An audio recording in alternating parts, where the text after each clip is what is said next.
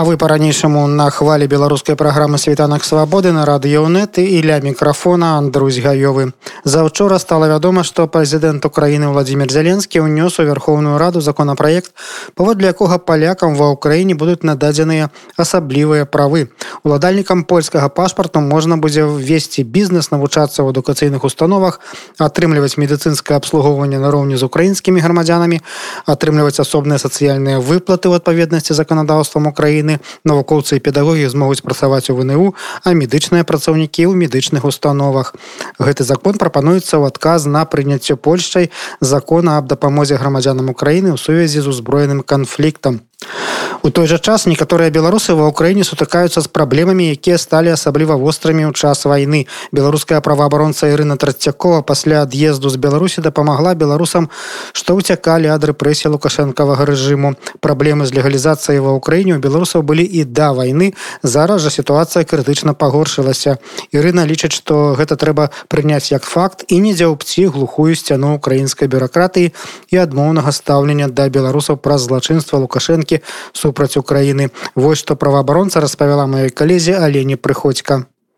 Ну, начиная с, со старта электоральной кампании, естественно, начали происходить какие-то репрессивные действия они, э, ну, на, территории Республики Беларусь в отношении активистов э, правозащитников и журналистов. И, соответственно, уже начинались предпосылки к возбуждению уголовных дел. Это было еще до августа 2020 года, что было весьма странно, и под большим вопросом на тот момент, потому что мы не ожидали от репрессивного аппарата все-таки таких активных действий, где нету ни слова закон, ни слова права человека, ни слова вообще какое-то соблюдение национального законодательства. Поэтому не так активно белорусы понимали, скажем так, что в любой момент могут к тебе вломиться, выбить двери, да, задержать и упрятать в тюрьму. Поэтому уезжали единичные, уезжали, э, как я называю, не туристы, уезжали действительно те, в отношении которых применялось какое-то преследование, либо активное административное с арестами неискончаемыми, либо э, уже было уголовное преследование. И до декабря 2020 года граница Беларуси э, наземная на выезд была открыта. Поэтому беспрепятственно пересечь границу, не имея ограничений на выезд по базе МВД, либо там по каким-то другим базам, да, то есть по линии ОПИ, либо по линии военкомата, а, проблемы не составляла. И, соответственно, вот этой глобальной проблемы, которая случилась в тот момент, когда Лукашенко закрыл Беларусь на выезд, то есть землю перекрыл, и осталась одна, как я говорю, дырка, это аэропорт города Минска. А вот тогда мы еще понимали, что не проблема выехать и спастись, то есть оказаться в какой-то условной безопасности, да, и выезжали люди в Украину. Тогда уже понимали правозащитники и активисты, которые работали с территории Польши, в том числе, что из территории Украины, что э, положить как-то вот эту вот массовый выезд белорусов, в случае чего на украинское законодательство будет невозможно. Либо это будет настолько затруднено, что это будет э, нести какие-то да, нарушения пребывания в Украине. Э, напомню, это было еще до декабря 2020 года. И поэтому уже тогда активно люди и те помогающие организации, они начинали задумываться о том, чтобы легализация белорусов за рубежом проходила максимально успешно, легко и безболезненно, и таким местом для легализации была Польша. То есть э, Украина уже тогда была так называемой транзитной страной. Понятно, что когда были перекрыты границы, и об этом уже говорили с канала белорусского телебачения, и я поэтому это уже не скрываю, там упоминалась моя фамилия, что я помогала людям исчезать, скажем так, с территории Республики Беларусь. Да, к сожалению, Лукашенко вынудил э, людей идти на все, чтобы только не оказываться да, в местах лишения свободы. И вот тогда уже Украина действительно являлась транзитной страной, потому что между СБУ и спецслужбами Беларуси существует соглашение, согласно Минской конвенции, они обязаны это выполнять. То есть э, людей, которые преследуются по политическим мотивам, Украина могла легко выдать. И этот риск был, и этот риск чувствовали люди, даже которые не были подкованы в каком-то там правовом отношении. И поэтому Украину вы не выбирали своим местом пребывания да, постоянно. То есть, опять же, шла миграция в Польшу через Украину. Но чтобы уехать в Польшу, да, нужна виза.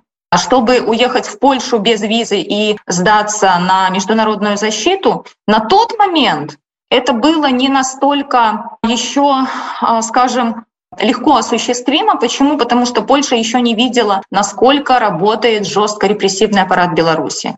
К счастью, Польша поняла, что нужно вводить какие-то нормы и изменять польское законодательство конкретно под граждан Республики Беларусь, которые пострадали от режима Лукашенко и которым э, невозможно пребывать в стране гражданства, либо невозможно вернуться в страну гражданства, потому что это будет угрожать их свободе, жизни и здоровью и так далее.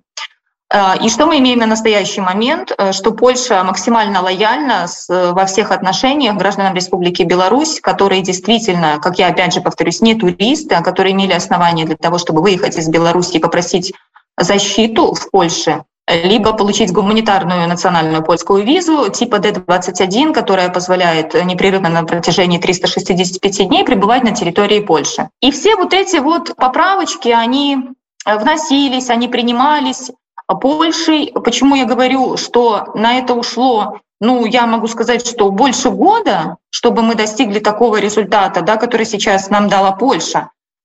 А Украина, она как не имела возможности и желания что-то изменить под белорусов, так она и рабочие группы из белорусских и украинских правозащитников, организаций, активистов, юристов, журналистов, находящихся непосредственно на территории Украины, длительное время работали со всеми инстанциями государственными для того, чтобы объяснить и показать действительно необходимость какой-то э, законодательной лояльности по отношению к гражданам Республики Беларусь, находящимся в Украине, даже с э, таким моментом, как легализация.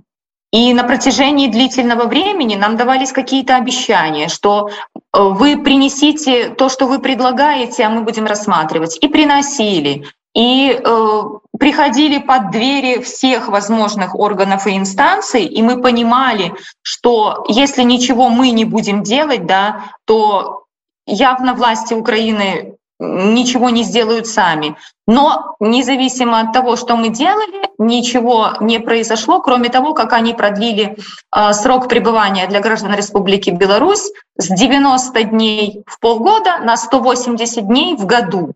Ну, то есть по факту то, как бы цифра увеличилась, но э, количество дней увеличилось, но суть от этого не поменялась. И опять же, за, эти, за это время, за эти 180 дней а, нужно было приобрести некий легальный статус. А, получить да, вид на жительство временный а, в Украине практически невозможно.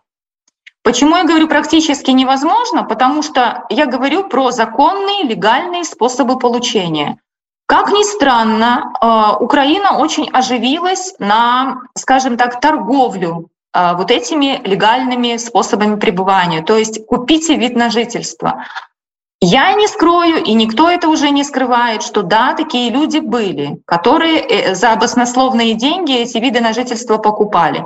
Но это же не от того, что людям так просто, да, они приехали с большой суммой денег, чтобы что-то там купить в виде вида на жительство. Потому что законодательство Украины не могло никак поменяться, э, несмотря на многочисленные наши попытки и, возможно, там какие-то влияния и э, переговоры и, и так далее далее, а, для того, чтобы белорусам стало там, а, скажем так, комфортно, потому что очень многие белорусы, они шли в волонтерство, действительно, но они тогда не имели права работать и зарабатывать деньги. За счет этого волонтерства они могли получить вид на жительство. Окей. Но опять же, вид на жительство давался на год, и после этого года нужно было вид на жительство не автоматически продлять, а делать его заново.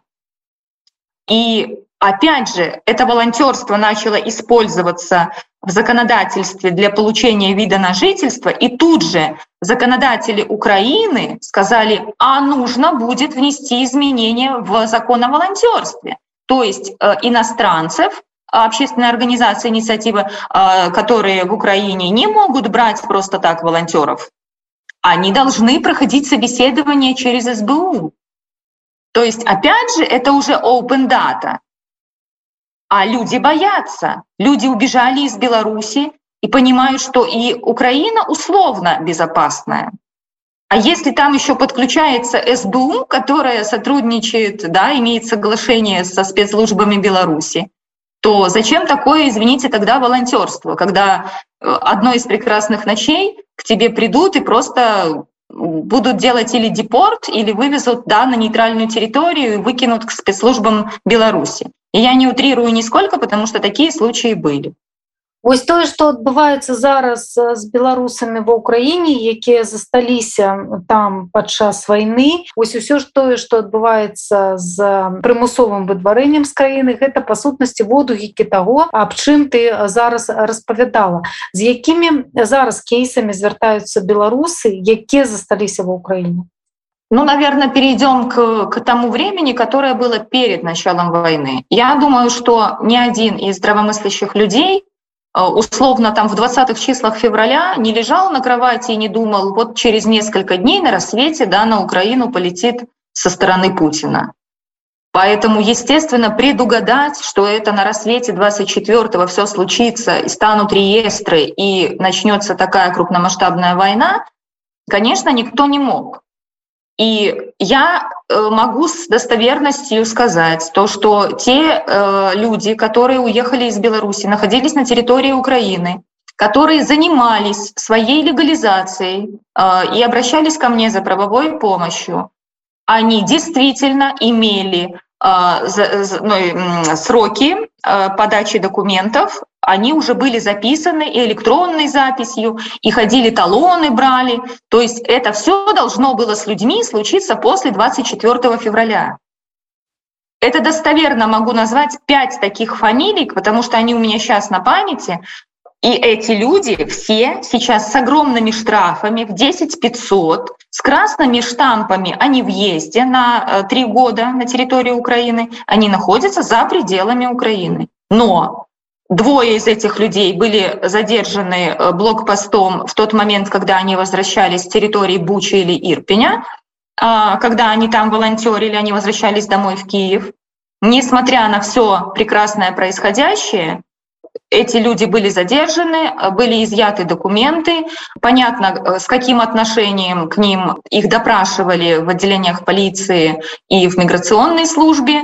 А, при этом действительно Анисия Козлюк это отобразила в своем посте в Фейсбуке, как на нее орали, когда стоял э, гул от крика «С вашей территории летят ракеты». Примерно то же самое происходило со всеми, кто имел гражданство Республики Беларусь. Вне зависимости от того, волонтерил он в Украине, воюет ли он в Украине, а, записался ли он э, куда-то помогать в отряды теробороны, это не важно. С вашей территории летят ракеты. Без разбора, кто ты в Украине, зачем ты в Украине и так далее.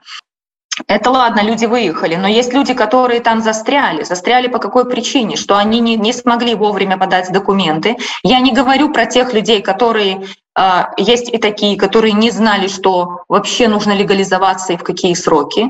Вот сейчас всплывают и такие кейсы, такие обращения. А, что э, люди уехали там в октябре, в ноябре 2020 года. Вот, к сожалению, эти ребята сейчас находятся в Украине, и им никто абсолютно не знает, как помочь. Ну, помочь можно действительно законным путем, получить штраф и выехать, э, то есть депортироваться с, э, без права въезда.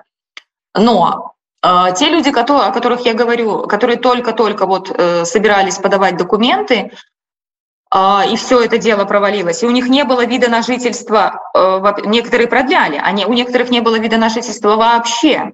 И при условии, что они выезжают из Украины и попадают э, в некие страны ЕС, ну, допустим, в ту же Польшу, хотя Польша сейчас заявила о том, что она хочет быть транзитной страной, все-таки она переполнена, и она очень настоятельно рекомендует все-таки дальше ехать, э, потому что в Польше действительно сейчас творится такое э, очень страшное э, столпотворение просто и белорусов, и украинцев. Вот. Но у людей, которые выезжают из Украины, даже в принципе нету документов, чтобы показать о том, что они там собирались да, легально пребывать дальше.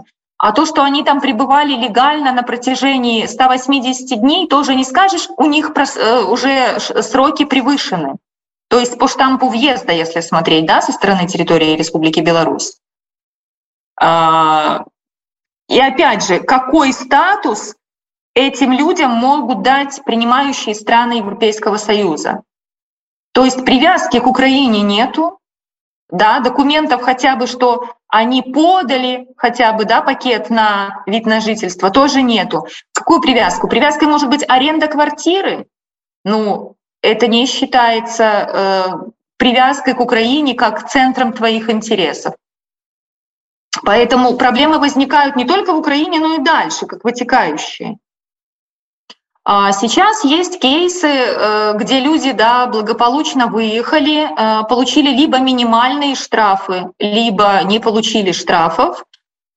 А, печать о невъезде им не ставили, но они находятся на территории, находились на территории не стран ЕС.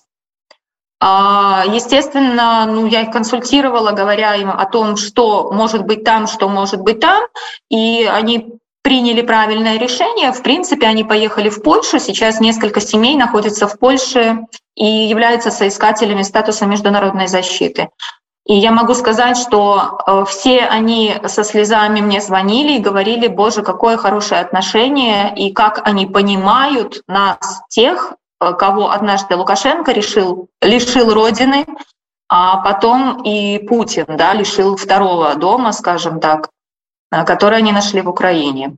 Со мной примерно такая же ситуация, потому что я год отжила в Украине.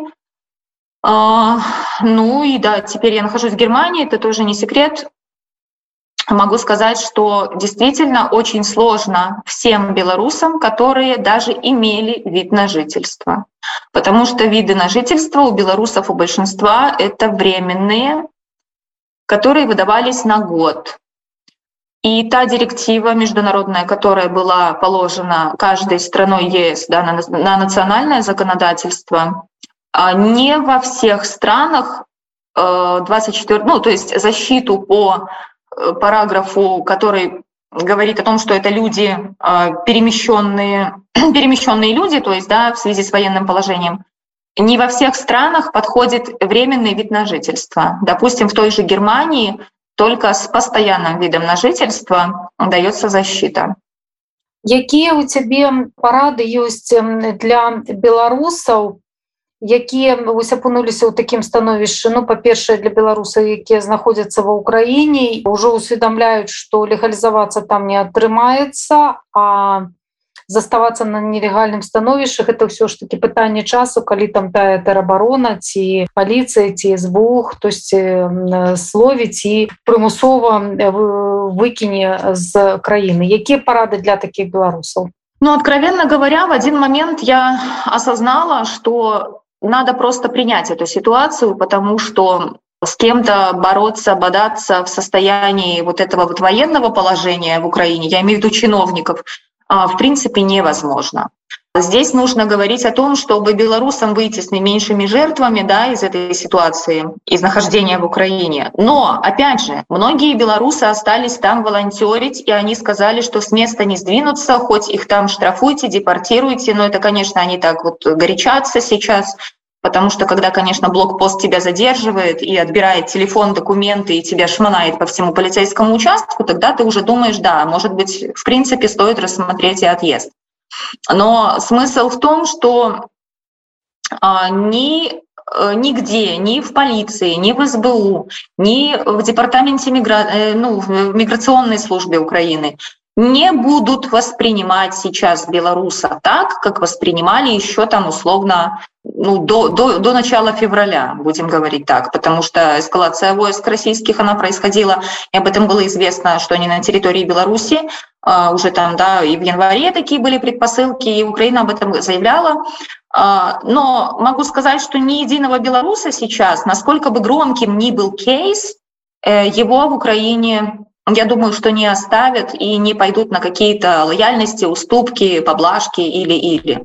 Это мы видим э, по публичным кейсам Анисии Козлюк, Потемкиной. Кейсов еще много, максимально обоснованные, то человек ну, не мог поступить иначе. Он находился на территории Украины и собирался там, как он говорил, жизнь положить для того, чтобы лишь бы, лишь бы да, был какой-то толк. Там люди считают, белорусы считают себя нужными.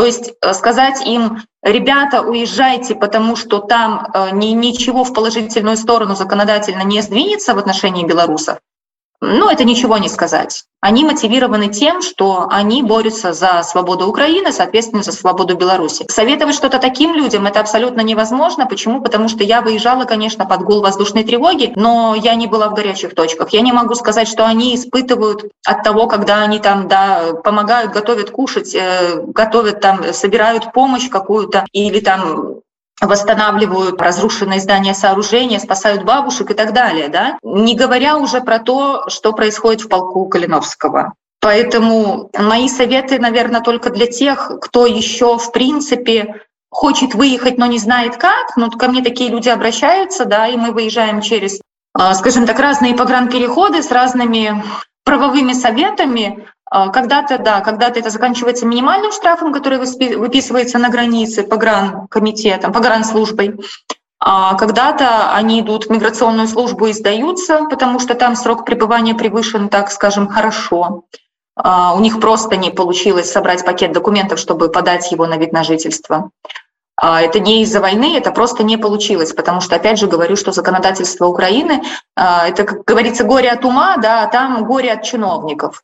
И тут я абсолютно открыто заявляю и могу заявить это и э, той мадам Денисовой, которой мы объясняли на протяжении длительного времени, что, ребята, что же вы делаете? А тем более сейчас на пути в Евросоюз, но какими-то они неправильными кривыми шагами идут. Поэтому ну, советы, советы всем разные, но я сейчас выбираю, наверное, идти по пути меньшего сопротивления и с меньшими потерями и затратами для белорусов, потому что, опять же, повторюсь, лучше не станет, Поэтому территорию Украины абсолютно нужно покидать, вне зависимости от того. Я прекрасно понимаю, что я там тоже за год обжилась, и у меня все вещи остались в Киеве.